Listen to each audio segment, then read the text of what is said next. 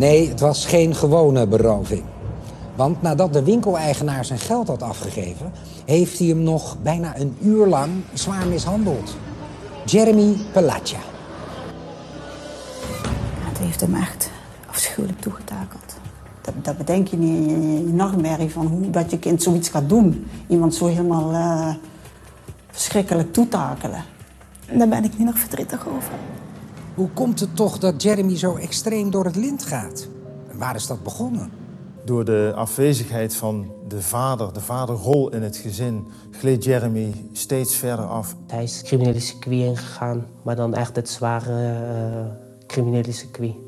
Jeremy zit op een gegeven moment met de grote jongens in Zuid-Amerika. Ik heb wel eens gepiekerd of dat hij verkeerde zou treffen, ja. Heb ik wel eens uh, over nagedacht. Ik was er wakker van gelegen. Het is het jaar dat Mikhail Gorbachev president wordt van de Sovjet-Unie. En ook het jaar dat Bruce Springsteen op nummer 1 komt met zijn album Born in the USA.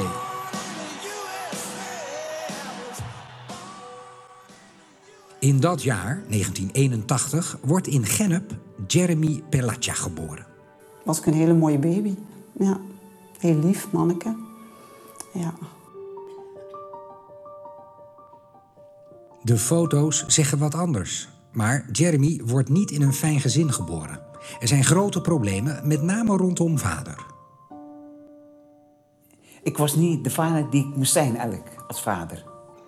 De vader van Jeremy is zwaar gokverslaafd. Ik heb zeg maar een ton vergokt. Een ton, ja. Ja, ja, ja. hij zorgde ervoor dat we gewoon geen geld hadden. Regelmatig is er zelfs geen geld om eten voor de kleine Jeremy te kopen. Mijn moeder die moest echt goochelen om het eten op tafel te krijgen.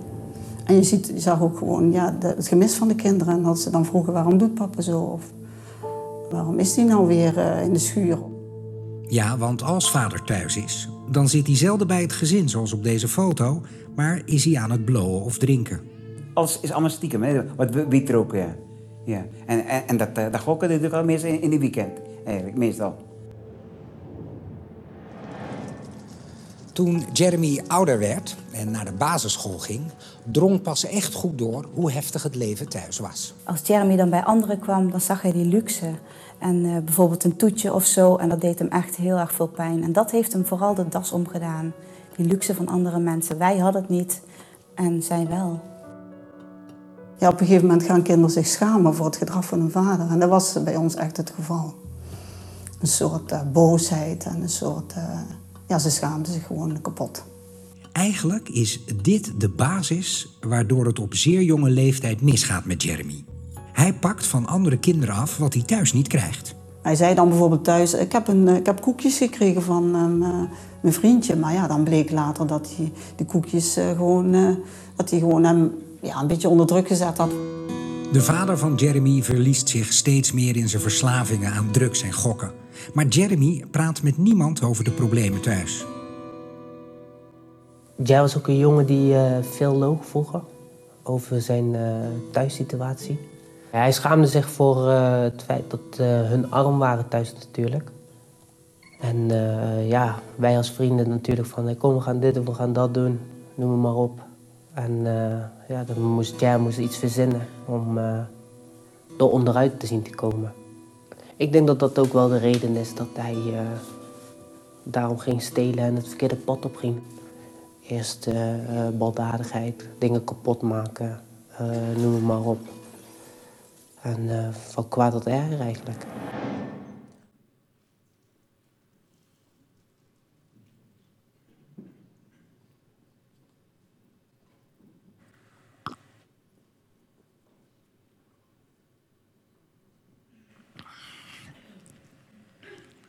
Nou, goedemorgen allemaal.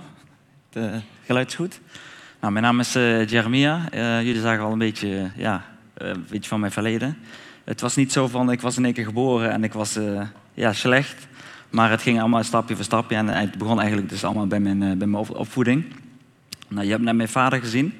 Mijn vader groeide op in een heel problematisch gezin.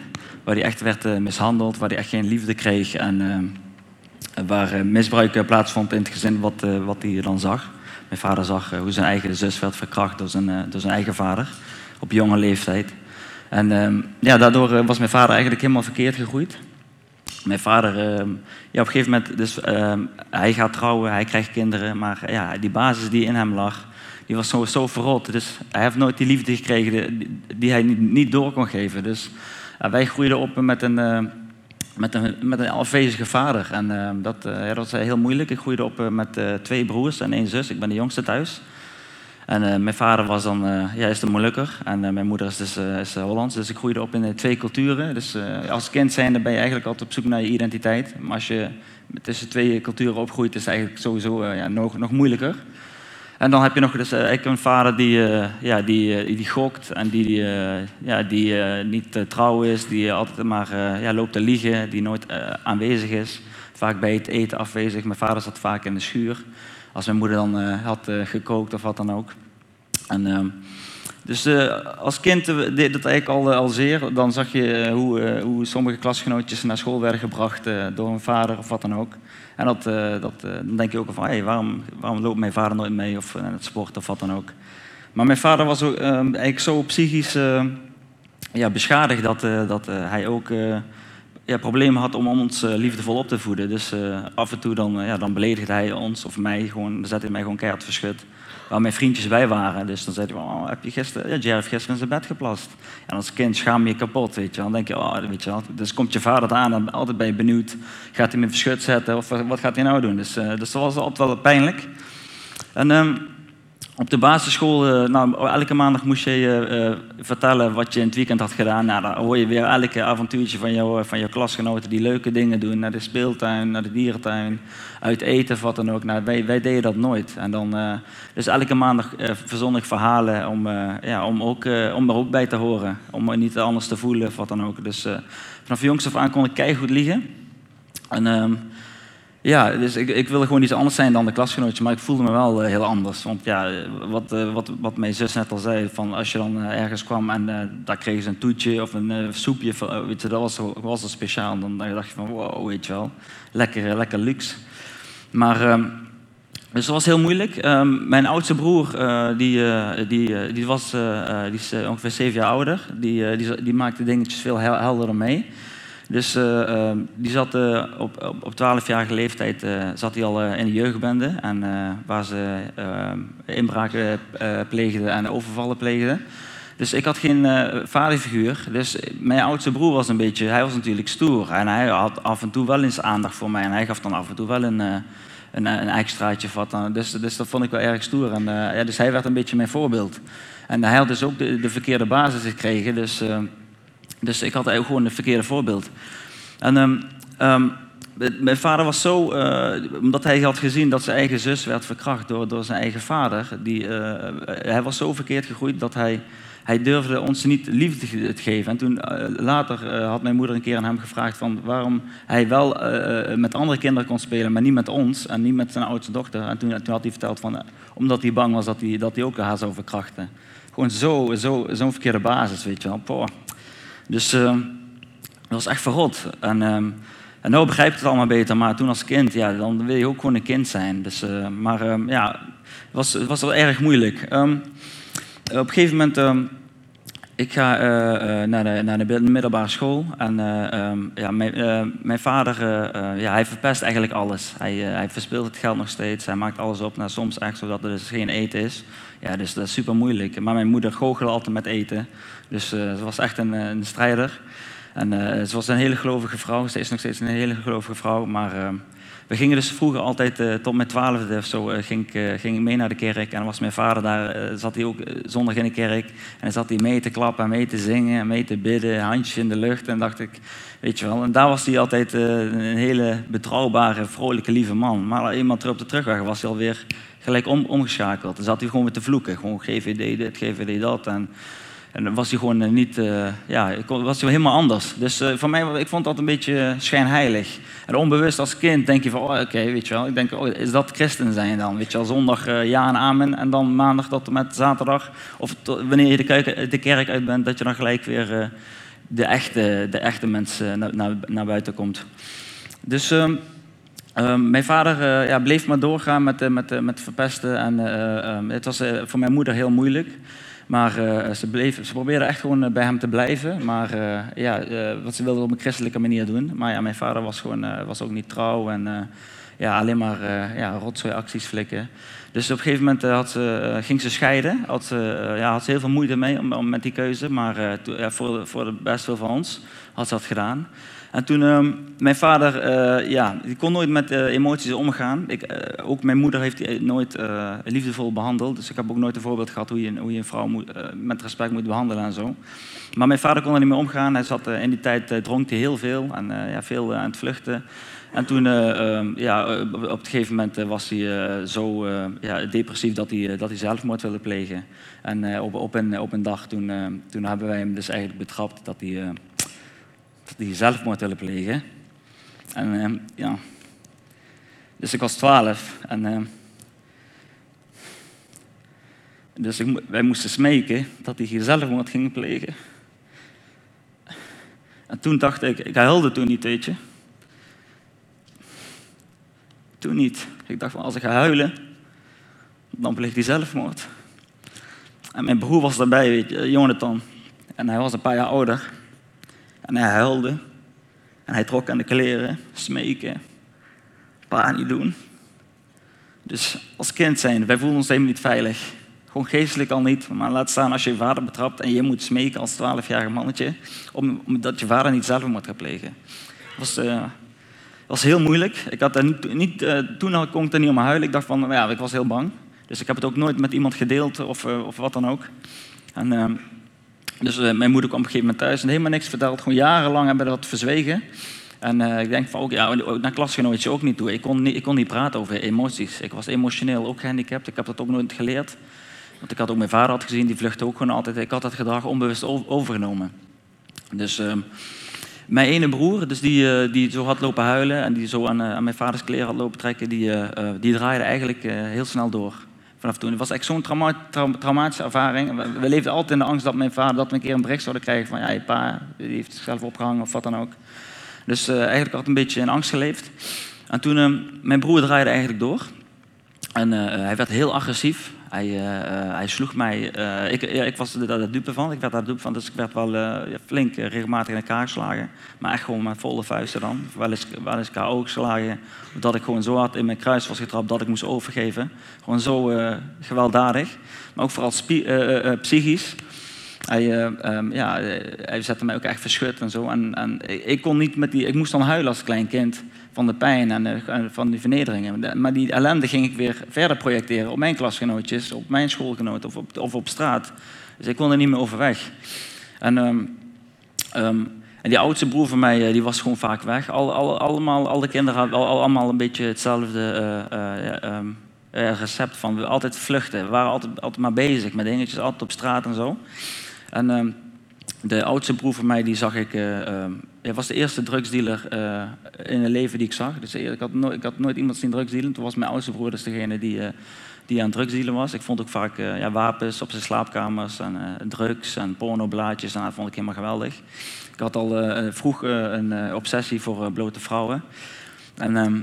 Um, en op een gegeven moment is die Jonathan, dus die andere broer die mij zo vaak sloeg, die, uh, die draaide ook door. Hij was de eerste persoon die ik uh, die cocaïne zag gebruiken, dus ook op jonge leeftijd.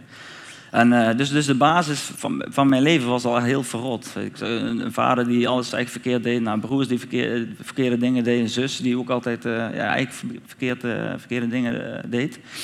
Dus ehm, dus het was eigenlijk heel moeilijk. En dan, we hadden altijd zo'n lievevolle moeder die zei van, oh, praat over dingetjes, wil je, eh, je erover praten? Maar ik van, wat praten, weet je, weet je, voor zin, weet je. En, en, eh, en ze zagen mij eigenlijk nooit huilen dan, weet je, alleen als ik dan klappen kreeg, maar dat was meer psychisch, maar niet van dat ik huilde om, om, om, pijn en, uh, en dingetjes. En, en, en in de familie gebeurden er hele erge dingen. Ik had een, een, een neefje van anderhalf, die was, was vermoord door zijn vader. En daarna had zijn vader zelfmoord gepleegd. En, uh, ja, en dan maak je zo'n dingen mee en dan ga je weer naar school toe en dan hoor je wel klasgenootjes praten over Dragon Ball Z, over weet ik veel onzin dingen. En dan, je kan niet eens meepraten. Maar dus ik had altijd een masker op, dus ik, ik deed altijd voor alsof ik heel zelfverzekerd was. En dat ik, kon wel best goed vechten, maar dat ik gewoon heel sterk was. En daar haalde ik mijn voldoening uit. Omdat ik had, we, hadden niet, we hadden niet breed thuis, dus dan ja, dacht ik van, nou dan ga ik maar... Ik was wel een heel gewelddadig persoon geworden.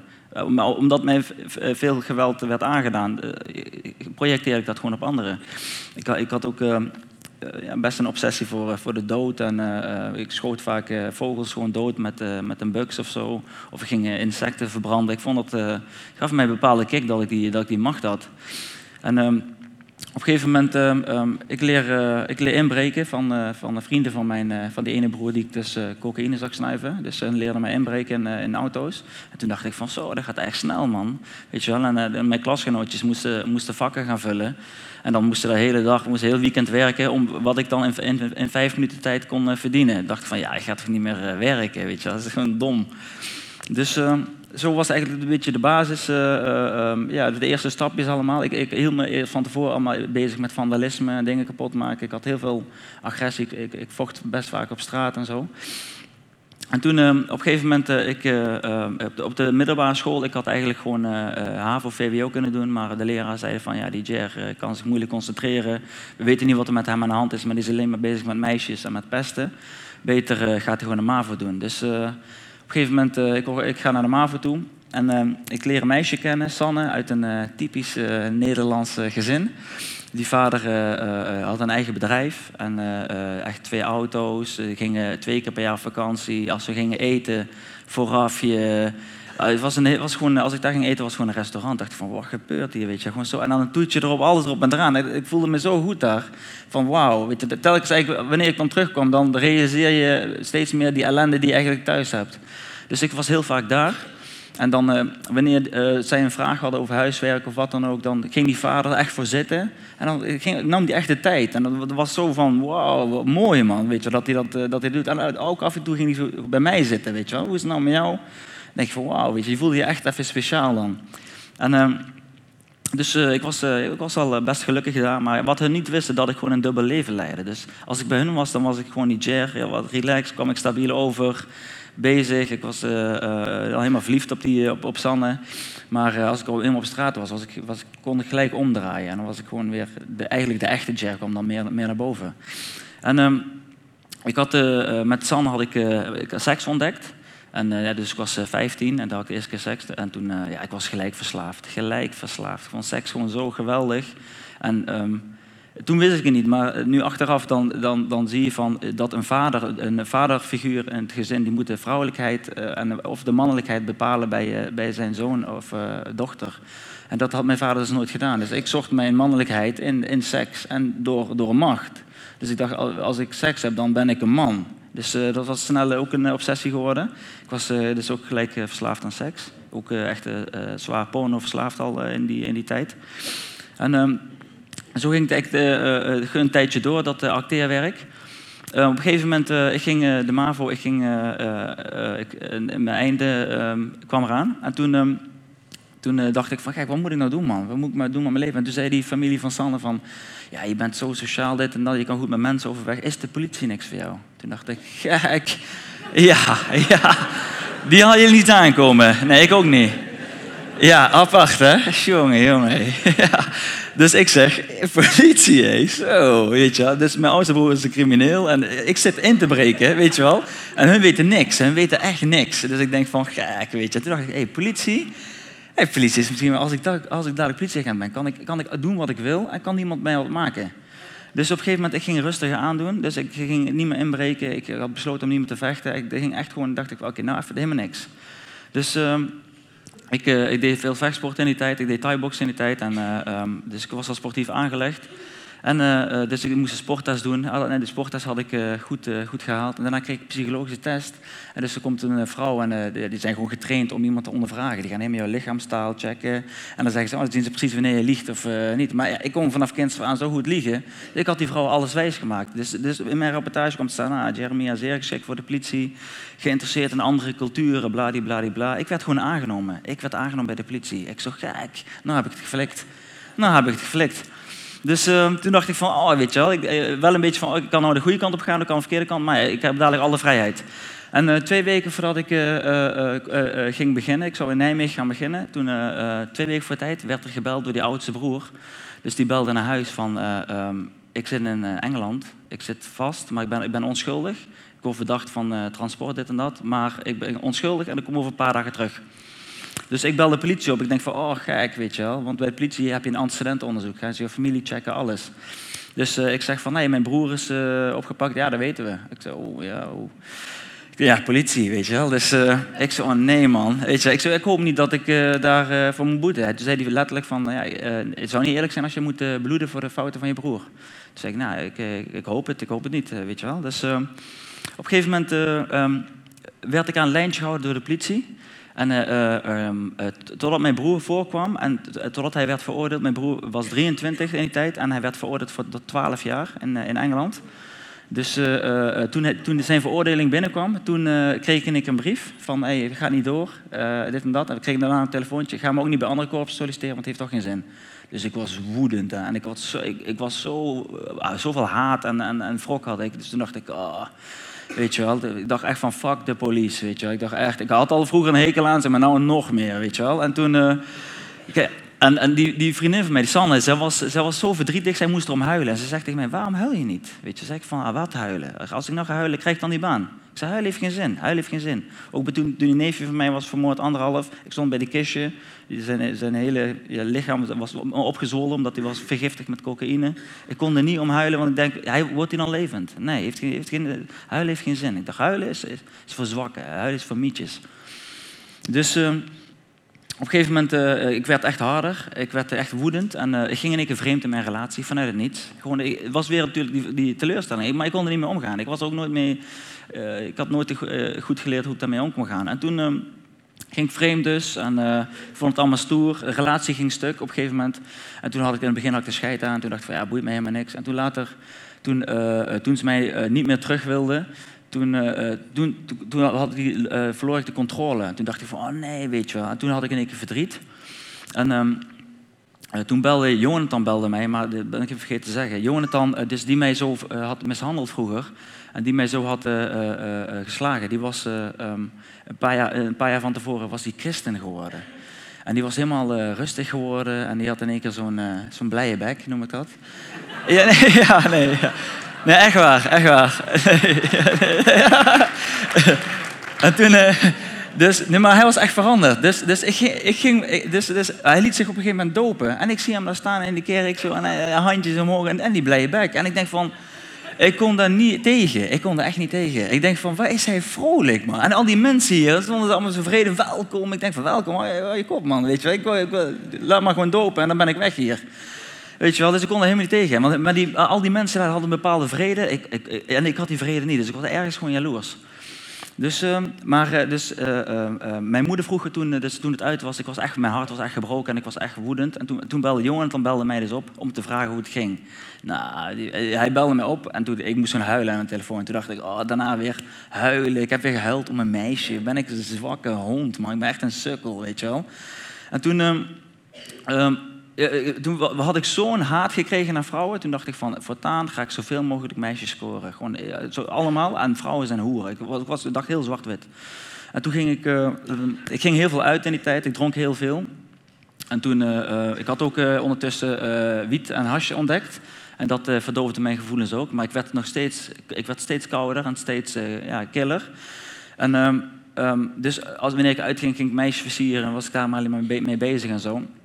Dus uh, uh, ik had heel veel seks, one-night stands. En ik ging ook naar prostituees.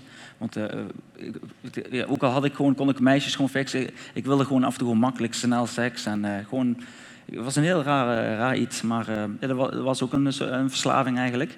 En, en um, toen draaide ik gewoon door. Ik, ik, raakte weer helemaal ja, geobsedeerd echt door, door criminaliteit. ik begon in één keer kook te dealen. Uh, ik, ik, had alweer inbraken gedaan van tevoren. Want ik vond inbraken op een gegeven moment vond ik de kinderachtig. Toen dacht ik van, nee, dan moet ik, volgende, weet je, ik moet sneller geld verdienen. Toen begon ik eigenlijk uh, kook te dealen. En dan ben je ja, 20 plus en dan uh, ja, kun je in één keer soms op een dag of in de weekend 1000 euro verdienen. Ja, is gewoon veel geld, weet je Dan moeten sommige mensen een maand voor werken. Dus ehm, Dus dan zag ik, eh, was ik uit geweest, had ik seks gehad, had ik, eh, was ik helemaal dronken, was ik helemaal stoned. En dan eh, had ik wat geld verdiend. En dan zag ik 's ochtends vroeg, wanneer ik ging slapen, zag ik mensen fietsen naar hun werk met zo'n trommeltje achterop. En dan dacht ik van, wat een ezels, weet je wel. Die gaan werken, acht uur werken, hebben ze 100 euro. Ik hoef maar een paar keer zo te doen en dan heb ik, heb ik dat geld. Weet je wel. Ik, ik, ben veel, ik, vond mezelf ook echt... ik voelde me beter dan, dan een burger. Ik, ik, ik hoefde geen belasting te betalen allemaal. Ik dacht, ah, lekker man, weet je wel. Maar ehm, zo ging het eigenlijk door. Ik was eh, heel agressief en eh, eh, ehm, ik, ik vocht regelmatig tijdens uitgaan. En, ik, ik had meer een tweede natuur ontwikkeld. Het ging gewoon, auto, gewoon automatisch. Dus ehm, op een gegeven moment ehm, vond ik, ik vond die, ik vond die dealen vond ik ook maar een beetje, ik vond het kinderachtig. Toen dacht ik van, schiet helemaal niet op, ik moet sneller geld verdienen. Dus op een gegeven moment ging ik, eh, eh, ik hield me bezig gewoon met, met overvallen plegen, wat je, wat je had gezien. En ja, verdiende ik daar gewoon mijn geld mee. En dat was, ja, dat leverde gewoon veel geld op soms. En, eh, maar het- boeide me. Het was zo hard geworden dat ik, dat ik mensen gewoon pijn kon doen. En dat ik daarna gewoon lekker kon slapen. Ik had helemaal geen moeite mee. Want ik keek niet ook eerlijk naar mezelf. Want ik durfde niet eerlijk naar mezelf te kijken. Want eh, ik was gewoon een gebroken persoon. Maar als ik medelijden met mezelf moest hebben, dan moest ik ook medelijden met anderen dus, eh, hebben. Dus dat was meer een, een afweermechanisme. Op een gegeven moment, ja, het draait helemaal door en eh, eh, uiteindelijk word ik gelukkig gepakt. Ik word gelukkig eh, veroordeeld en eh, ehm, ja, werd ik een gevaar voor de maatschappij genoemd en, door de officier van justitie en beter, beter dat ik van de straat af was. Zo omschreven ze mij. En ik, ik zat alleen maar te balen dat ik, dat ik gepakt was en dat die jongens mij verraden hadden. Dus, ik, dus ik, had niet, ik had geen spijt van dat ik die dingen had gedaan, maar ik had het spijt van dat, met die jongens met wie ik dat had gedaan. Nou moest ik de wraak op hun gaan nemen als ik buiten kwam. Op een gegeven moment, eh, ik, had eh, eh, vier jaar gekregen. Dus ik zei ook tegen mijn moeder van, toen ik werd gearresteerd, oh, ik ben, weet je wel, het is niet waar, ik ben ook binnen een paar dagen terug, na vier jaar.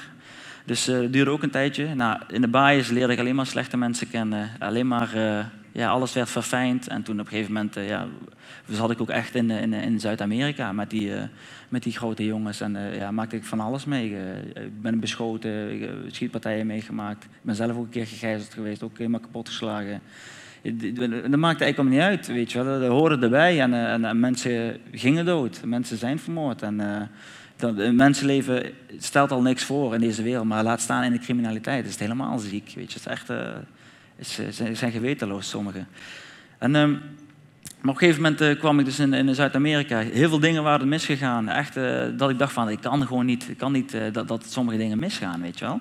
Maar alles mislukte uiteindelijk. Wiethokken werden opgerold. Ik werd een keertje weer gearresteerd. En steeds apart dat ik dacht van, hoe kan dat, weet je wel? Sommige, dat sommige mensen zeiden, je bent vervloekt, man. Je bent vervloekt. Alles wat we met jou doen, gaat mis. Weet je, alleen met jou. Toen dacht ik van, ja, vol- volgens mij ben ik vervloekt, ja. Maar toen, eh, op een gegeven moment eh, zat, ik, eh, ehm, zat ik in eh, eh, Zuid-Amerika. Het was eigenlijk meer een kop-of-munt situatie. Ik had eh, de grote baas, omdat ik geen contact meer had, ik had contact met hem verloren.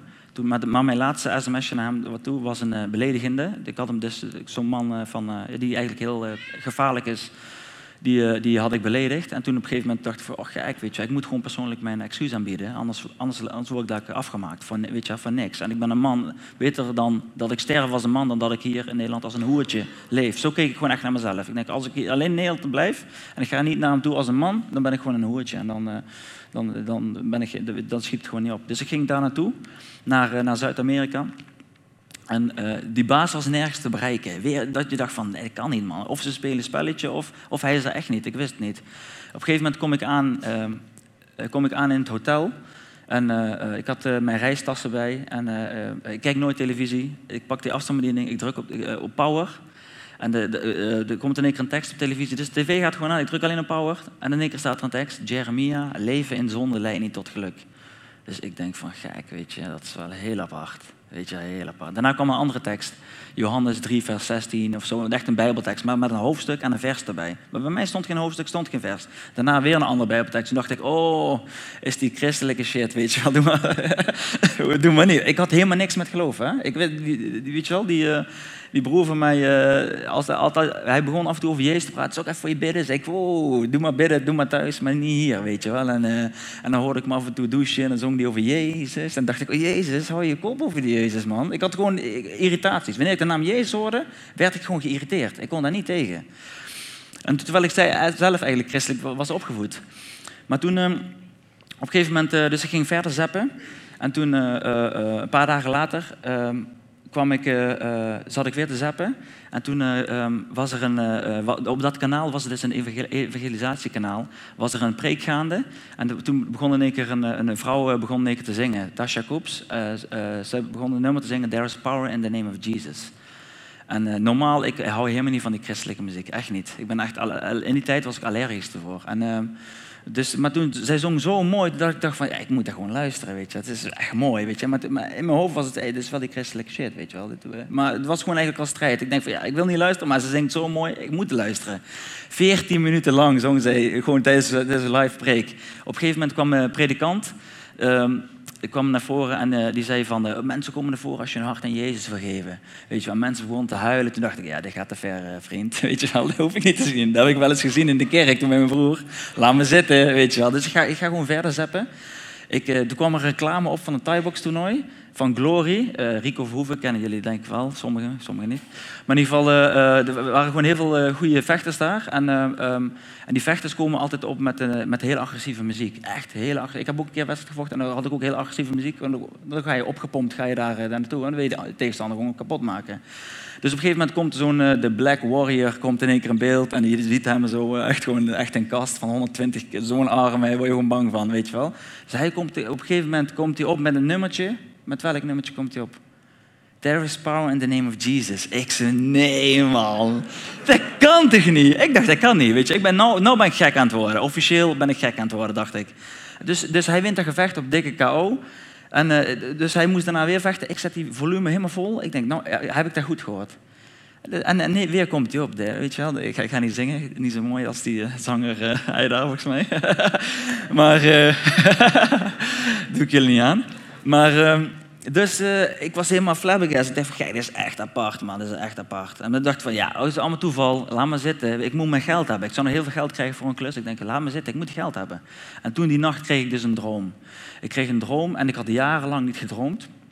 Ik had, uh, uh, normaal bloot ik elke dag, maar uh, die periode daar, dat ik daar in, in Zuid-Amerika was, had ik speciaal niet gebloot. Want ik dacht, als ze mij vermoorden, dan wil ik gewoon nuchter sterven. Als ik nuchter sterf, is een mooie dood. Dat, was gewoon, dat dacht ik, dat is een mooie dood. Dus ik had niet gebloot. Ik, ik was gewoon nuchter, dus ik ging slapen. En toen kreeg ik dus in één keer een droom. En in die droom zag ik mezelf staan. Gewoon heel dichtbij. En ik zag, ik zag mezelf staan. En naast mij stond Jonathan, dus die christenbroer. En, maar ik, ik had nou ook keer zo. En die, aan de overkant had ik, ik had zo'n blije bek. Zo'n vredevolle bek. Ja, nee, echt serieus. Maar ik irriteerde mij aan mezelf. Dat ik naar mezelf kijk, dat ik denk van, hoe kan ik, hoe kan ik zo... Ik ben hier niet, weet je. Ik zit hier, weet je wel, wat, uh, ik irriteerde mij aan mezelf. En het was echt alsof er zo'n dikke muur tussen zat. Met uh, glas of zo. En ik kijk naar de situatie daar. En hoe ik nou met jullie praat en ik kan denken, zo zat ik in de situatie daar ook. En hun zien mij niet, maar ik zie mezelf daar. En Jonathan staat daar, ik sta hier. En om ons heen staan hele grote ja, wezens. Ze hebben geen gezicht, maar het is niet eng of zo. Het is geen, het is geen, enge droom. Dus ik kijk naar mezelf en het ging allemaal heel snel. Hè? Dus Jonathan zegt, dit is mijn broertje Jer en hij wil zijn hart aan God geven. Dus ik zit hier van, wat? wat? Wat zeg je nou? Wil ik mijn hart aan God geven? Want ik, ik was er helemaal niet mee bezig. Ik zei, eh, wil ik mijn hart aan God geven? Dus ik ging zo twijfelen. Wil ik mijn hart aan God geven? Nee man, is dat zo? En toen op een gegeven moment, dus ik was benieuwd, het ging allemaal heel snel, dus na mijn reactie. En ik sta daar zo, echt gewoon zo, met zijn hele lieve kop zo. Ja, ja, dat klopt. Ik zei, dat klopt. Ik, ik was helemaal gewoon, helemaal, gewoon, helemaal uh, perplex. Dus ik denk van, gek, hoe kan, hè? En toen, toen zei Jonathan ook nog, ja, Jer, wil je dan beginnen met gebed? En ik deed niet bidden, hè? ik deed echt niet bidden. Dus, dus ik sta daar, ja, ja, is goed. Ik zei, is goed. Ik zei, nee man, kan niet man.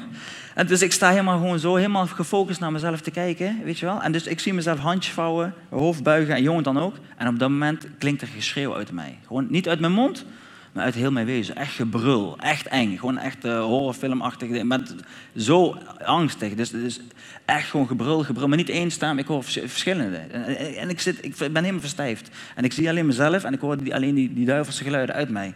En ik begin in één keer hier aan deze kant. Ik begin Jezus te roepen. Uit het niets begin ik Jezus erop hier.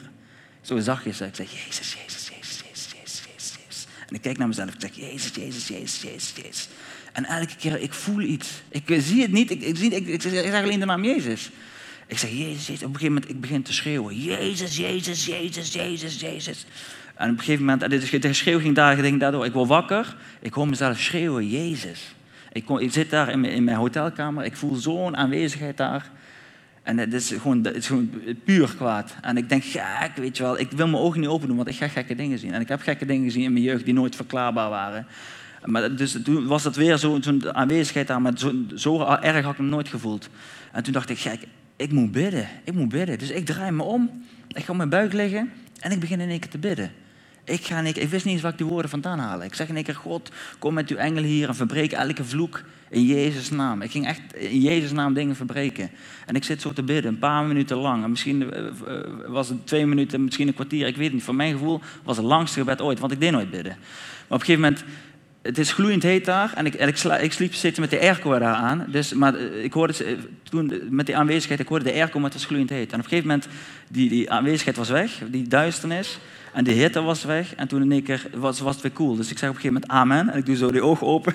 En ik kijk die kamer rond, ik vlieg naar het licht. Weet je wel, ik doe de lichtschakelaar aan en toen dacht ik, gek, wat heb ik meegemaakt? Weet je wel, wat heb ik nou, wat heb ik nou meegemaakt? Ik was zo overtuigd van de hemel en van de hel van, van de duivel, van God, maar vooral van Jezus was ik overtuigd. Toen dacht ik, gek, die Jezus is echt, man. Is Jezus echt. Weet je, toen, ik pas, toen ik toen Jezus ging aanroepen, toen gebeurde er pas iets. En toen dacht ik, gek, weet je wel, waarom gebeurt er mij dit? Want drie dagen later zou mijn vliegtuig terugvliegen. Toen dacht ik, word ik dan toch, in die laatste drie dagen word ik dan toch uh, afgemaakt. En toen dacht ik van, oké, als, ik nou word, als ik nou word afgemaakt, dan hoop ik dat ik gewoon snel een kogel krijg. Want deze, deze mensen snijden gewoon letterlijk in stukken. Die zijn echt gewoon ziek. Die zijn ziek.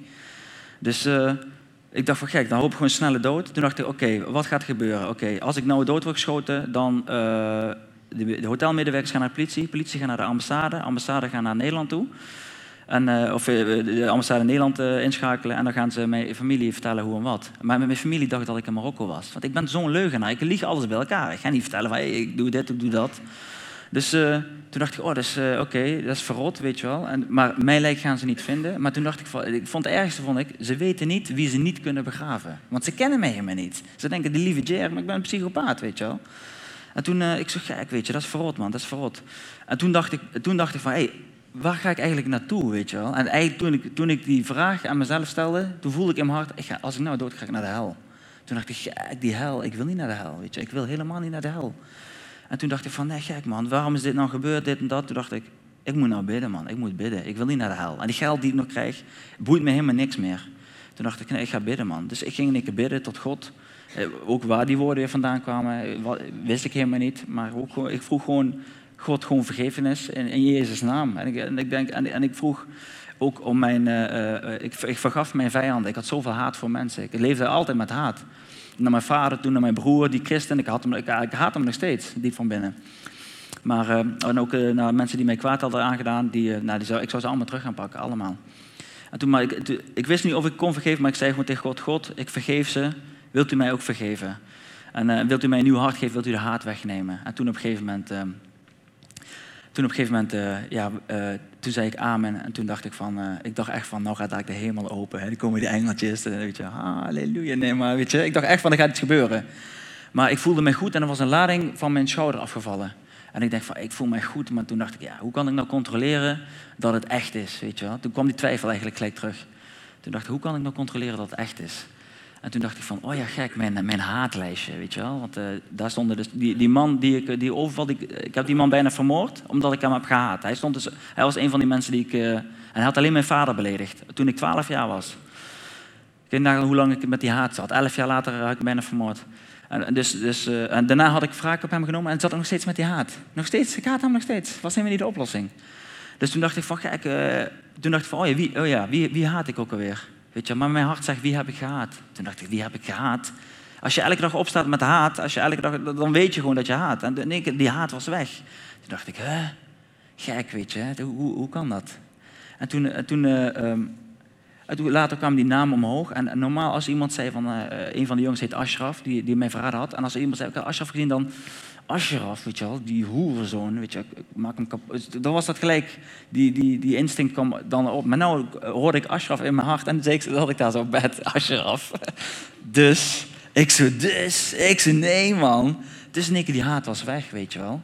En sindsdien uh, ja, was het gewoon eigenlijk alles anders. Het was nog heel spannend geworden uiteindelijk de laatste paar dagen. Maar ik kom terug als een, eh, als een nieuw mens, weet je wel. Ik was helemaal vernieuwd. Ik had geen haat meer. Uh, seksverslaving was weg. Ik heb nooit meer gebloot. Ik heb nooit meer iemand geslagen. Niks, weet je wel. Allemaal godzijdank, weet je wel. Maar, uh, en huilen, jongen. Ik kan huilen, jongen. Vind ik zo lekker. Weet je, niet hier. ja, niet hier. Maar ja, dan moet het, dan moet het zo zijn, snap je? Maar het liefst ben ik ook, oh, laat me alsjeblieft niet huilen. Maar ja, als het moet, dan moet het. En nou ben ik dankbaar dat ik kan huilen. Omdat ik, als 12 jaar heb ik nooit kunnen huilen om dingen dat ik ben mishandeld of wat dan ook.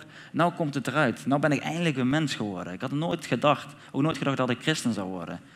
Echt, maar ja, mijn, mijn leven uh, met Jezus is uh, ja, helemaal omgeslagen. Ik heb echt lief en daarom wil ik ellende delen om, uh, ja, om, om jullie ja, te waarschuwen of te wakker, wakker, te maken. Of ook om jullie aan te sporen, jullie problemen aan te pakken. Ik ken niemand echt goed hier. Weet je, misschien heb je veel erger dingen dan mij meegemaakt, maar je weet gewoon dat God eigenlijk altijd voor jullie is. En uh, dat Jezus voor, voor, ja, voor, iedere mens kan veranderen. En mij ook heeft veranderd, dan kan hij jou ook veranderen. Of, uh, en als je denkt van, je hebt een zoon die worstelt met dingetjes, ook, ook vastzit of wat dan ook. Gewoon voor diegene bidden en dan zullen er dingen gebeuren. Dus ja, ik wil jullie bedanken dat jullie... ik heb heel weinig tijd voor mijn gevoel, maar... ja, ik heb, ik heb een, een, een boek mogen schrijven. die, straks staat mijn vriendin daar, dus wie weet mochten jullie geïnteresseerd zijn. Maar ehm, ja, ik ben in ieder geval heel dankbaar dat ik zo mag getuigen over wat God voor mij heeft gedaan. En alle eer aan Hem, weet je, dat ik, eh, dat ik hier sta. En er was uh, mij gevraagd om uh, af te sluiten met gebed. Dus dat wil ik graag met jullie doen.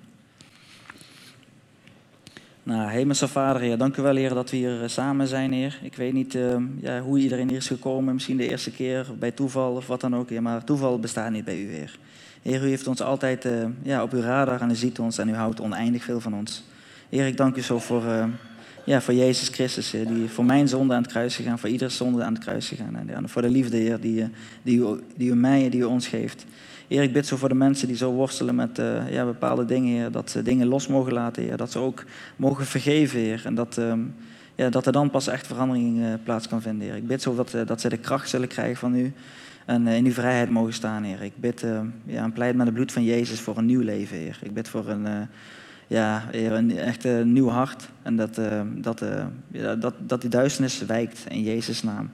Heer, ik bid voor voor de mensen hier, Heer, voor hun familieleden en vrienden die u misschien nog niet kennen.